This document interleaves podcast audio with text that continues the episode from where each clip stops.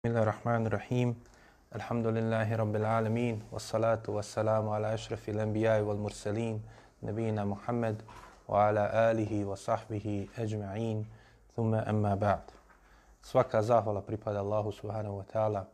Njega slavimo, njega veličamo. Neka je salavat i salam na njegovog posljednjeg poslanika, njegovog miljenika, našeg voljenog poslanika i vjerovjesnika Muhameda sallallahu alihi wa sallam, njegovu časnu porodcu, sve njegove ashabe i oni koji slijede njihov put do sudnjega dana. A zatim stali smo pred kraj desete godine po poslanstvu Allahovog poslanika sallallahu alaihi wasallam. Dakle, spomenuli smo zadnji put da je nakon tri godine potpune izolacije i bojkota ne samo muslimana koji su bili sa Allahom i poslanikom sallallahu alaihi veselem, nego i mušrika koji su bili iz dvije porodce kojima je pripadao Allahov poslanik sallallahu alaihi veselem i koji su činili njegovu rodbinu, a to je Benu Hašim i Benu Mutalib. Na kraju su mušici došli do međusobnog razilaženja da li da ustraju u tome ili ne i na kraju je došlo do odustajanja od bojkota i te metode koji su koristili. Ali to nije značilo da su oni prestali sa neprijateljstvom, sa mržnjom prema Allahovom poslaniku, sallallahu alihi ve sellem. Nego je to bio samo još jedan od pokazatelja da to zlo i nepravda koliko god trajala, neminovno je da među samim tim neprijateljima istine da dođe do međusobnog razilaženja, da se pocijepa njihov saf od težine tojih loših postupaka koje čine nepravde, koje čine i zuluma koje ih nanose ljudima. Pa tako se i njima to desilo. Ali su oni dalje nastavili u svome neprijateljstvu i u svojem zlostavljanju Allahov poslanika, sallallahu alaihi ve sellem, i njegovih shaba. Pa u tom periodu, dakle, bojkot je trajao od sedme godine, od početka sedme godine po poslanstva, poslanstvu do početka desete godine, dakle, tri godine. Sedma, osma i deveta kompletna godina, a početkom desete je došlo do prekida bojkota, a nakon nekog vremena, neki spominju da je to bilo u mjesecu Ševalu te desete godine, neki da je bilo u mjesecu Ramazanu, dakle mjesec prije, a neki spominju da je čak bilo i prije toga u mjesecu Ređepu, da je preselio Ebu Talib, Amidža Allahov poslanika, sallallahu alihi wasallam, koji ga je štitio i branio svo to vrijeme. Inša Allah, kasnije ćemo govoriti o nekim porukama iz tog čudnovatog slučaja Ebu Taliba, koji smo već nekoliko puta i spominjali neke stvari vezane za to, ali ovdje je važan moment se desio to što nakon što su jel, prekinuli taj bojkot i nakon što je, je prekinuta ta metoda, ali nastavljeno općenito neprijateljstvo i zlostavljanje poslanika, sallallahu alaihi ve sellem, i njegovih ashaba, da je jedna od prepreka koja im se nalazila na putu da zlostavljaju Allahov poslanika Muhameda sallallahu alaihi ve sellem i da još žešći budu protiv njega i da njega još žešće fizički zlostavljaju, a da ne govorimo o njegovim ashabima, dakle, Ebu Talib je bio jedna od tih ključnih prepreka koje je Allah uzvišen i učinio da kao mušik jel, poživi svoj život, ali da bude u prvom redu odbrane Allahovog poslanika sallallahu alaihi wasallam i njegove zaštite. Pa kada je on umro, onda su mušici još više navali na Allahovog poslanika sallallahu alaihi ve sellem i njegove ashabe. Sve ono što smo vidjeli prije da se desilo, učinilo je da više nemaju argumenata koje mogu ponuditi da spriječe ljude koji ulaze u islam. Osim da zaplaše ljude od toga da prihvate islam. Da izazovu takav teror da jednostavno ljudi ne pomisle da prime islam, da čuju nešto od Allahove subhanahu wa ta'ala objave Kur'ana, da jednom sjednu sa Allahom i poslanikom, sallallahu alaihi ve sellem, i uvide onda njegovu veličanstvenu ličnost, njegovu dobrotu i dobrotu koju im nudi. Pa su zbog toga, kao što smo to prošli put spomenuli učenjace, razišli kada je desila se druga hijđra u Abesiniju. Postoji mišljenje da je bilo to već šeste godine, dakle prva je bila pete, pa onda kada se ono vratili, kao što smo spominjali, i vidjeli da se nije promijenila situacija, a mislili su da se promijenila, da su većina stanovnika primila islam kada su učinili onu seždu, nakon što su čuli veličanstvene ajete i sure Neđm, pa da su onda jel, primili islam i to bio potvrda njihovog primanja islama, no međutim to je samo bio jedan od momenata kada nisu njihova srca mogla da odbije istinu, odbiju istinu koja je dolazila Allahovom objavom Kur'anom i spominju učenjaci onda da su ubrzo se vratili ponovo u Abesiniju kada su vidjeli da je stanje i dalje onako kako je bilo i prije. Da i dalje zlostavljaju muslimane, protjeruju ih, muče i tako dalje. Zbog toga jel, neki učenjaci, vidjet ćemo od istoričara, jel, i ne navode konkretne e, momente kada se tačno desila ta druga hijžra. Pa zato neki izvlače zaključak da je bilo to šesti godine, neki kažu da je sedmi, dakle prije ovog bojkota ili kada je nastupio bojkot, ali postoje neki detalji koji ukazuju da se ipak to desilo nakon bojkota i nakon smrti Ebu Taliba. Najvažniji moment jeste da je predvodnik te druge hijđre bio Džafer, sin Ebu Talibov, Džafer ibn Ebi Talib. Da ga je poslanik sallallahu alaihi ve sellem grupi koju će činiti 83 ashaba, a postoji razilaže da li je Amar ibn Jasir učinio hijđru, pa neki kažu da je bilo 83 koji broje njega, a neki drugi spomnju da je bilo 82 od hroničara jel, života Allahov poslanika i njegovih ashaba, a da je od žena bilo 18 žena, od kojih se spominje da je bilo 11 od Kureševički, a sedam je bilo od drugog porijekla. To jest, u ovoj hijđri, za razliku od prve hijđre, učinili su je svi slojevi društva Mekanskog i svi od onih ashaba koji su primili islam. U prvoj hijđri, oni 12 mladića i četiri žene koje su učinile hijđre, tu su bili od najboljeg porijekla, najuglednijih, iz najuglednijih porodica, pripadali su mladićima koji su bili poštovani i cijenjeni poput Osmana ibn Afana, Mus'aba ibn Umeira, Zubeira ibn Avvama, Abdurrahmana ibn Aufa, Amira ibn Rabije ili poput Rukaje, čerke Allahov poslanika, sallallahu alaihi ve sellem i tako dalje. Ovaj put su učinili hijđru svi. I oni od oslobođenih robova, jel kao što vidimo, spominje sama ibn Jasir i neki drugi, učinili su i neki koji su prvu hijđru učinili. Također, jel, jedan od onih koji se spominju da je učinio i prvu i drugu hijđru je Abdullah ibn Mas'ud. Pa se spominje, dakle, da iz onoga što smo ispominjali mi od događaja koji se dešavali od prve hijđre do ove druge, vidjet ćemo da je u nekim od tih događaja bio prisutan Abdullah ibn Mas'ud. Poput onda kada je on bio prvi koji učio Kur'an na, na glas pred Kaabom, što sve ukazuje dakle, da je druga hijđra se desila mnogo kasnije nakon prve hijđre. I činjenica je da je Džafer ibn Abi Talib bio taj koji je predvodio tu drugu hijđru, ukazuje da se to desilo nakon smrti njegovog oca. Zato jer ako je Allahovog poslanika, sallallahu alaihi ve sellem, Ebu Talib štitio od mušrika, onda je preče da je štitio svoga sina Džafera i drugog sina Aliju radijallahu anhu, koji nije učinio hijđru, ali Džafer jel, jeste i bio je predvodnik, zato što su bili izloženi mučenju i zlostavljanju. Nakon što mu je babo preselio, onda su oni posebno imali pik na njega i porodcu Ebu Talibovu zbog toga što su oni bili od tog časnog porijekla i poštovanog porijekla i ugleda velikog u mekanskom društvu, a bili su ti koji su primili islam.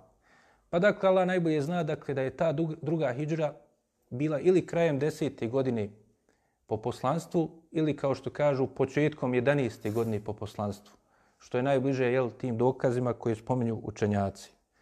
Ali u svakom slučaju ti, doga, ti neki datumi nisu toliko ni značajni, zato i ashabi, kao što smo i to spominjali, mnoge te stvari nisu nam jel, direktne datume ni spominjali. Čak vidjeli smo jel, i rođenje Allahovog poslanika, sallallahu alaihi ve sellem, kada se konkretno desilo u kojem danu, nisu spominjali. Jer nije pojenta iz tih događaja da se uzme samo datume kad se nešto desilo, nego da se uzme pouka, da se uzme der za nas kako da postupamo, kako da radimo ispravno, kako da se klonimo stramputica i loših puteva. To je pojenta i svega toga. A u islam nije došao jel, da obilježava se nijedan od tih događaja. Zato jel, nije zabilježeno da su ashabi sa svojim poslanikom Muhammedom sallallahu alaihi ve sellem svake godine obilježavali dan kada je desila se bitka na Bedru. A zar to nije veličanstven događaj? Zna se, jel, ti događaj kasni kada se umnožilo broj i ashaba i oni koji su mogli to da prenesu, ti događaji iz medijskog perioda vidit ćemo da su vrlo preciznije prenešeni jel, datumi i broj ljudi koji su učestovali. Znači, puno je preciznije u tome bilo zbog mnoštva ljudi koji su to mogli da prenesu i da nam i, i blizine jel, njihove onoj sljedećoj generaciji koji su prenosili. Posebno po pitanju bitaka. Ali nisu ashabi obilježavali nijedno od tih bitaka nakon što se desila. Da su obilazili ta mjesta poput Bedra, da su obilazili jel, Uhud radi toga da bi obilježavali ga, pravili neke svetkovi ili, ne, ili nešto tome slično. Dakle, iz toga jasno se vidi ono što je i rekao Allahu poslanik sallallahu alejhi ve sellem da muslimani imaju samo dva bajrama, dvije svetkovine kod sebe koje trebaju da obilježavaju. Dakle, dva bajrama, kurbanski i ramazanski, to je ono što je propisano nama da obilježavamo. Ostale stvari koje se spominju, jel, imamo konkretne dokaze od Allahovog poslanika sallallahu alejhi ve sellem i njegove upute kako da postupamo. Kao što je uskoro nam ide dana šure, pa da taj dan provedemo tako što ćemo ga postiti. Da bi se razlikovalo od jevreja i kršćana da postimo, kao što je rekao poslanik sallallahu alaihi veselem, i dan prije. Dakle, deveti i deseti dan mjeseca Muharrema koji nam uskoro dolazi. Ili dan Arefata da ga postimo. Dakle, to su jel, načini kako da se obilježava dakle, nešto. Znači, poslanik sallallahu alaihi veselem nam je to pojasnio i nema potrebe da na to ili dodajemo ili oduzimamo nešto. Pa tako, dakle, izbog, iz, i vidimo iz ti neki momenata koji se dešavali kroz život Allahovog poslanika, sallallahu alaihi ve sellem, i činjenicu da postoji velika razilaženja kada se neke ovako krupne stvari desile, ukazuju da, da to nije prenešeno zato što s jedne strane zato što je u prvim periodima islama jel, bilo vrlo malo ashaba, bile su teške situacije, pa teško je bilo i da neko se sada bavi tim i da prenosi i zato što su ashabi nisu želi da se ističu svojim dijelima, da se hvale, mi smo uradili te godine to i to toga dana i tome slično. A iz druge strane zato što nema neke propisa koji se veže za to pa da bi onda nam to spominjali. Da je bilo jel, i da je to propisano, onda bi nam oni sigurno spomenuli. Što je ukazuje da u islamu jel, ti datumi nisu sami po sebi značajni, nego je značajni je sadržina onoga što se dešavalo tada u tim određenim momentima. Pa tako je kod ove druge hijđre, nakon što se pojačalo to neprijateljstvo i zlostavljanje, nakon što je jel, preselio Ebu Talib i onda mušici u svojoj nemoći postajali još nasilniji i još veći zulum činili, onda je Allahov poslanik sallallahu alaihi ve sellem jednoj velikoj grupi ashaba dozvolio da učine hijđru. Dakle, to je veliki broj. 82 ili 83 ashaba i 18 žena ashabiki. Dakle, to je velika skupina koja je učinila hijđru. Neki spominju i ono što se spominje da se desila hijđra šeste ili sedme godine po poslanstvu, da je, to znači da je možda su neki od pojedinaca učinili i tada hijđru. Dakle, i prije ove velike skupine. Ali, dakle, značajna skupina za koju se veže druga hijđra je ova skupina koju je predvodio Džafer ibn Abi Talib. I oni su jel, opet krenuli da učine hijđru u Abesiniju, na ono isto mjesto gdje su učinila i prva grupa. Ovaj put je to bilo njima puno teže, bilo je puno više i mušici su to iščekivali da se desi, da se desi da će učiniti hijđru i otići iz Mekije ponovo u Abesiniju, zato što su jel, već jedna skupina to uradila prije njih.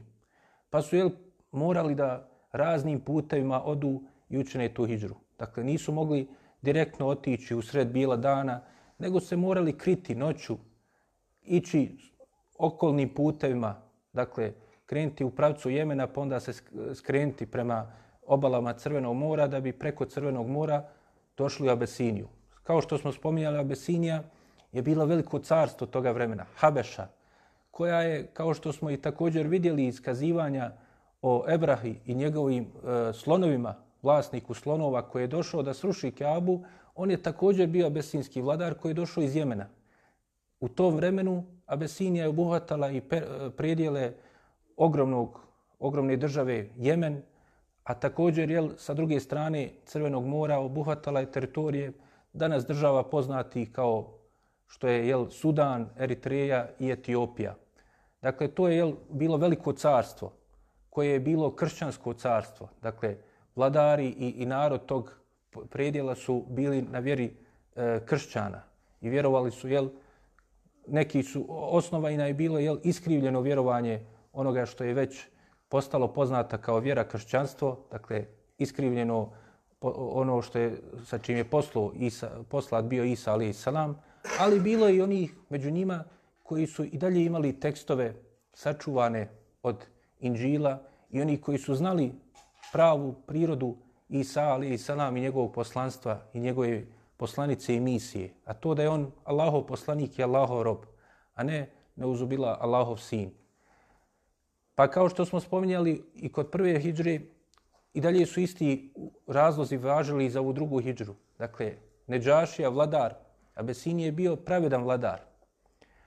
I također on je u svome carstvu ili svojoj državi kraljevstvu uspostavio oblik, da kažemo, pravde i posebno nudio je svima u toj državi sigurnost i prosperitet. Trudio se jel, da bude što pravedniji sprem svojih mogućnosti i onoga što je znao i mogao da čini. A također, jel, onda su muslimani imali poznavanje te teritorije i tog ti predjela zato što su često išli preko mora u trgovinu i razmjenjivanje roba sa stanovnicima Abesinije. Pa su jel, poznavali kako i da dođu tamo, poznavali su otprilike kakve su situacija u Abesiniji. Pa su odlučili jel, da odu tamo iz ovih razloga. Kada su došli tamo, dakle, spominje se da je u toj skupini koja je otišla i drugi put, dakle, kao što smo rekli, ima razilaže da li je bio Amar ibn Jasir, ali se spominje da su bili neki drugi poznati ashabi, poput Abdullaha ibn Mas'uda, ponovo je bio tu i Osman ibn Mez'un, i Zubair ibn al-Awam i mnogi drugi cijenjeni i poštovani ashabi. Za neki od njih postoji razilaženje kako su oni mogli da budu u toj hijđri, jer, inšala, kao što ćemo vidjeti, osnova ove skupine će se vratiti tek sedme godine po hijđri Allahovog poslanika u Medini. Nakon ili u toku same bitke na Hajberu. Dakle, Džafer ibn Abi Talib i velika skupina sa njim, dakle ne svi ovi koji su bili, ali velika skupina vratit će se tek sedme godine po hijđri Allahovog poslanika sallallahu alaihi ve sellem. A neki od učesnika jel, bitke na Bedru, koja je bila jel, druge godine po hijđri, dakle, spominju se da su učinili hijđru. A neki se jel, spominju da su se vratili i da su bili prisutni od, među onima koji su učinili hijđru iz, Med, iz Mekije u Medinu. Pa kaže Ibnul Kajim u svome dijelu Zadul Mead, to, še, to se može spojiti tako što, će, što se može reći da su razne skupine jel, od ovih koji su zajedno otišli u Abesiniju se u različitim periodima vraćali iz Abesinije. Pa jedan dio njih se vratio ponovo u Meku prije nego što će poslanik sallallahu alaihi ve sellem učiniti sa svojim ashabima hijđru u Medinu. Drugi dio se vrati, je došao u Medinu direktno iz Abesinije, poslaniku sallallahu alaihi ve sellem.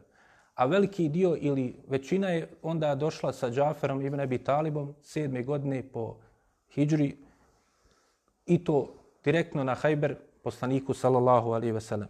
Pa kaže se, e, spominje e, dakle Ibn Kajim u svome dijelu Zadu Mead, da je 33, kaže, muškarca i e, sedam od žena da su se vratili, dakle, poslaniku sallallahu alaihi ve sellem, e, kada, je, kada su o, čuli da je on učinio hijđru u Medinu.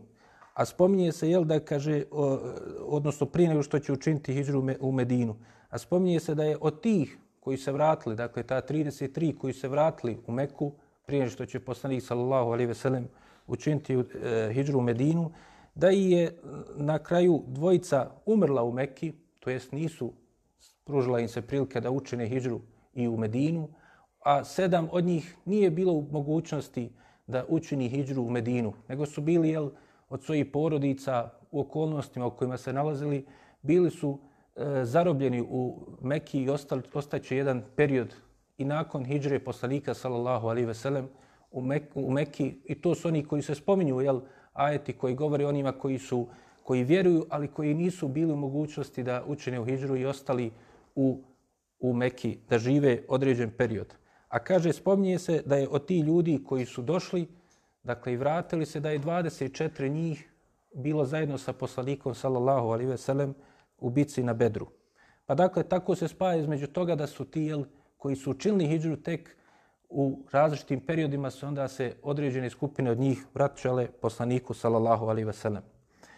Također se spominje da je Ebu Musa al-Ešari, koji je bio iz Jemena sa skupinom radi Allahanu, došao i zajedno učinio sa ovim ashabima hijđru u Abesiniju. I to se spominje u hadisu koji prenosi ima Mahmed u svojem musnedu, također Beheke i Delajlu Nubuve. No međutim, sporno kod toga jeste što u vjerodostojnom hadisu, dakle hadisu ko kojeg nema razilaženja po njegovoj vjerodostojnosti, zato što ga bilježe imam Buhari o svome sahihu, se spominje da je Ebu Musa Ešari, kada je čuo da je poslanik sallallahu alaihi sellem učinio, izašao da učini hijđru, da je on, kaže, krenuo sa skupinom iz Jemena da se pridruži poslaniku sallallahu alaihi sellem. Pa su krenuli, kaže, morem. Dakle, poslanik sallallahu alaihi sellem krenuje iz Mekke prema sjeveru, dakle, iz pravca, e, dakle, Meka dođe od nje sjeverno Medina, pa dakle, krenuje u tom pravcu da čini hijđru. A dole ispod, dakle, Mekke se nalazi Jemen, južno od Mekke i onda je moren da bi sustigao, jel, pošto su i Mekka i Medina vrlo blizu mora, Ebu Musa Elešari sa skupinom krenuo morem da se pridruži Allahovom poslaniku, sallallahu alaihi veselem. Jer jel, do njih je došla vijest o islamu i oni su tamo primili islam.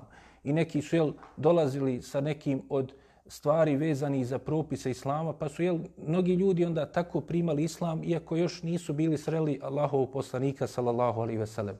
A jako su to željeli. Pa dok je bio poslanik, sallallahu alaihi veselem, u Mekki, nisu to svi imali mogućnost da urade. Pa je Ebu Musa Elešari, kaže, krenuo morem i ima Buharija spominje, dakle, upravo od Ebu Musa Elešari je da kaže, kada su izašli to da učine, hijđru, dakle, da se pridruže poslaniku, sallallahu alaihi veselem, u njegovoj hijđri u Medinu, u Medini, da im je, kaže, na moru, dakle, more se uzbrkalo i njihov na kraju brod da bi se spasili, morali su, jel, da pristanu u Abesini, koja se, jel, nalazi sa suprotne strane, dakle, tog prijedila gdje se nalaze Mekka i Medina. Pa su, jel, tamo se pridružili Džaferu ibn Abi Talibu, pa su tek sedme godine, dakle, zajedno sa Džaferom ibn Abi Talibom, dakle i ova skupina u kojoj je bio Jebu Musa Lešari, su došli zajedno poslaniku sallallahu alaihi ve sellem na Hajber.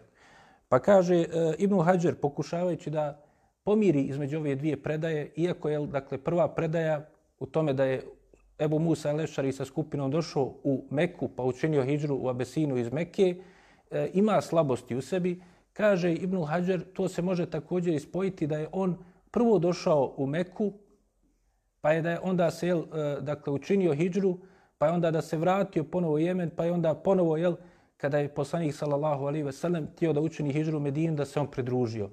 A s druge strane, jel, može se ispojiti tako da se kaže, jel, da e, e, što, što je ovdje jel, i, i preče, dakle, da je ova predaja sama po sebi jel, ima tu slabosti u, u svome lancu, pa dakle da onda nema nikakve kontradiktornosti sa ovom jel, predajom koja je kod Buharije. Dakle, zato što jel, prva nije vjerodostojna. U svakom slučaju, znači, znači da je velika skupina muslimana se skupila u Abesiniji. I oni su u tom periodu čak, kao što ćemo vidjeti kroz buduća kazivanja nekih događaja koji su vezani za Abesiniju, tamo su se i neka od djece i ashaba rodila, a na samom putu čak a također i posle i u Abesiniji, neki od ashaba su i preselili. Pa je se spominje da je Halid ibn Hizam, radijallahu anhu, krenuo da učini hijđru zajedno sa ovom skupinom u Abesiniju, pa kaže na putu ga je ujela zmija i od tog ujeda zmije on je preselio tako da nije došao da, e, do, do Abesinije, nego je na samom putu jel, preselio. Neki od učenjaka spomnju da je povodom njega objavljen ajet u kojem Allah uzvišeni govori وَمَا يَحْرُجْ مِنْ بَيْتِهِ مُهَاجِرًا إِلَى اللَّهِ وَرَسُولِ Kaže Allah uzvišeni, kaže, a onaj koji izađe iz svoje kuće kao muhađir Allahu i njegovom poslaniku, ثُمَّ يُدْرِكُ الْمَوْتُ فَقَدْ وَقَعَ أَجْرُهُ عَلَى اللَّهِ Kaže, zatim ga stigne njegova smrt, znači preseli na tom putu dok još čini hijđru, on će, kaže, imati nagradu od Allaha uzvišenog, وَكَانَ اللَّهُ غَفُورًا رَحِيمًا A kaže, Allah je taj koji mnogo prašta i koji je samilostan. Iako kaže Ibnul Kathir, kaže, daleko da, da se može reći da je ovo direktan povod i objave ovog ajeta, zato što je ovaj ajet objavljen e, i Suren Isa objavljen u, u, u Medini. A dakle, ovo se desilo još u Mekki. Ali u svakom slučaju, u ovaj propis ispada također Halid ibn Hizam. Halid ibn Hizam je brat onog prethodno spominjanog Hakima ibn Hizama, koji će u godini oslobođenja Mekke primiti islam, a njih dvojica su bili e, sinovi od brata Hatidže radijallahu anha. Dakle, oni su bili bratići Hatidže radijallahu anha, majke vjernika i prve supruge Allahov poslanika sallallahu alaihi ve sellem. Pa dakle, Zubair ibn Lavam, dakle, također jedan od cijenjenih ashaba radijallahu anhu, i onih kojima je obećan džene za vrijeme još njihovog života i koji je bio na kraju i preselio kao šehid. Dakle, on kaže, jedna od najtežih stvari koja se desila za mene u toj hijđri bila je upravo što je preselio Halid ibn Hizam. Zato što mu je bio jako draga osoba. Pa teško mu je pao zato što je izgubio tog svoga prijatelja na tome putu. Sve to ukazuje koliko je to veličanstven, eh, veličanstveno dijelo koje su uradili ashabi. Da ostaviš i svoje domove, i svoje porodice, i svoje metke, bježeći sa svojom vjerom na Allahovom putu. Dakle, to je bio veliki izraz njihove iskrenosti i njihovog imana u njihovim srcima. Da čovjek, jel, koji istinski vjeruje Allaha uzvišenog, da to potvrdi svojim dijelima. Kao što poslanik, sallallahu alaihi ve sellem, kaže općenito, kaže, muhađir je onaj, kaže, koji men heđere ma neha Allahu an, kao što bilježi Buharija i drugi u svoje sahihu, Kaže, muhađir je onaj kaže, koji ostavi ono što je Allah uzvišen zabranio. Ovo je najveći vid toga. Ako treba, ostavit će i svoju domovinu, ostavit će i svoj, e, svoj porodice, svoj metak. Sve će ostaviti bježeći sa svojom vjerom. A pogledajmo njihov slučaj. Oni ne samo da su to uradili bježeći u neku islamsku zemlju, nego su bježali iz Mekke najboljeg mjesta, najcijenjenijeg mjesta i najsvetijeg mjesta za svakog muslimana – najvrednijih mjesta, gdje namaz posebno se vrednuje, gdje je velika svetost tog mjesta, a oni su ga učinili, učinili hijđru iz tog mjesta u Darul Kufr. Veliki odgovor i onima jel, koji su krenuli putem pretjerivanja u vjeri. Dakle, govore često o hijđri. Pogledajmo slučaj ashaba, oni čine hijđru iz Mekke u Darul Kufr, u nevjerničku zemlju, kršćansku zemlju, zato što su tamo mogli da ispoljavaju svoju vjeru. Zato što je Allahu poslanik sallallahu alaihi ve sellem rekao im idite tamo, tamo je vladar kod kojeg nikom se ne čini nepravda. Pa dakle, oni su jel, pokazali tu iskrenost. Mnogi ljudi, kao što znamo i hadis koji govori o ljudskim nijetima, ljudskoj iskrenosti, spominje se upravo u njemu hijđra. Ljudi možda će čak i u vanštini učiniti hijđru, ali iz nekih pogrešnih razloga.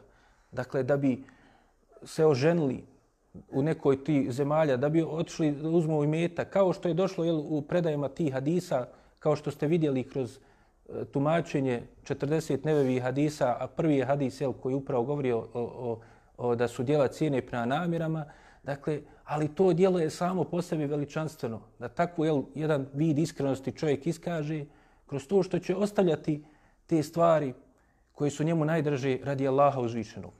Svaki vjernik to treba da ima u svome životu. Kroz ovo što je poslanik sallallahu alejhi ve sellem rekao nam da je hidžra i da je od vidova hidžre to što čovjek ostavlja ono što je Allah uzviše i zabranio. Iako ti je to drago, ne znači da moraš napustiti svoju domovinu, svoju porodcu, svoj metak, ali ostavi onaj grijeh koji ti je toliko drag, radi kojeg jel, Allah uzvišenim griješiš, zato što ti je toliko drag, što se toliko vezo za tu neku nepokornost Allahu uzvišenom. Upiši sebi da imaš i ti vid hijđre Allahu uzvišenom, vraćanje Allahu uzvišenom kroz to što ćeš jel, ostaviti to što je Allah uzvišeni zabranio. Pa kaže se dalje, dakle, e, ovaj had, e, e, dakle, nakon što su došli u Abesiniju i nakon što su tamo našli sebi rahatluk, mogli da ispoljavaju svoju vjeru, nakon što su, jel, nisu pored Kaabe mogli da klanjaju u nevjerničkoj kršćanskoj zemlji su to mogli, onda su mušici, kada su to vidjeli, kada su došli te vijesti do njih, odlučili da to spriječe. Znači, nije dovoljno. Nije dovoljno što su oni otišli tamo. Što pokazuje, jel, da ova, ovo nepretejstvo koje je bilo između mušrika i muslimana, ashaba i mušrika, koji su bili od jednog naroda, iz istih porodica, da to nije bilo neko porodično razilaženje. Nije bilo, jel, mržnja između ličnosti, nego je bila mržnja iz vjerskih razloga. Jer da je bio pojenta to da se mrze međusobno, da nekome, nekoga mrze zato što je jel, e, kao ličnost i mrzak, onda bi mu bilo drago što su oni otišli u Abesiniju. Idite tamo i radite tu svoju vjeru kako hoćete. Ali ovima nije to bio cilj. Njima je cilj bio da zatru Allahu subhanahu wa ta'ala svjetlo, da spriječe Allahu vjeru. Pa su zbog toga otišli i poslali dvojicu svojih uglednika, jaki ljudi, jaki ličnosti koji će da nagovore Neđašiju i njegove velikane i vladare jel, i poglavice e, Abesini da vrate te, tu skupinu njima. Znači da oni nastave i dalje izlostavljati. Da ne, ne dozvole jel, da se širi islam i u Abesini i bilo gdje mimo Mekije. Dakle, da zatru islam u njegovom začeću. Pa su poslali Amra ibn Asa i Abdullaha ibn Ebi Rebiju. Poslali su ih zato što su oni bili jake ličnosti, ugledne, e, sposobni ljudi koji će jel, da nagovori ove velikaše Abesinije da vrate tu skupinu i da ih e, dadnu da oni ih vrate ponovo u Meku. Pa su, kaže, kada su došli tamo, oni su došli sa poklonima. Pripremili su posljedne poklone. Kaže, bili su to skupocjeni pokloni, skupocjeni ogrtači, skupocjena oprema vojna, stvari od kože koji su bile jel, tada vrlo cijenjene i vrlo rijetke. I prvo nisu otišli na nego su otišli, dakle, to jest Neđašija je titula za vladara Abesinije. Nisu otišli tom vladaru, nego su otišli prvo njegovim vojskovođama i njegovim e, poglavicama njegovog naroda. Dakle, da prvo steknu kod njih jel, e, uticaj, da, pa onda da oni zajedno ih pomognu da oni utiču na Neđašiju, da isposluju to da vrate muslimane iz Abesinije i da im on prekine zaštitu koji je nudio.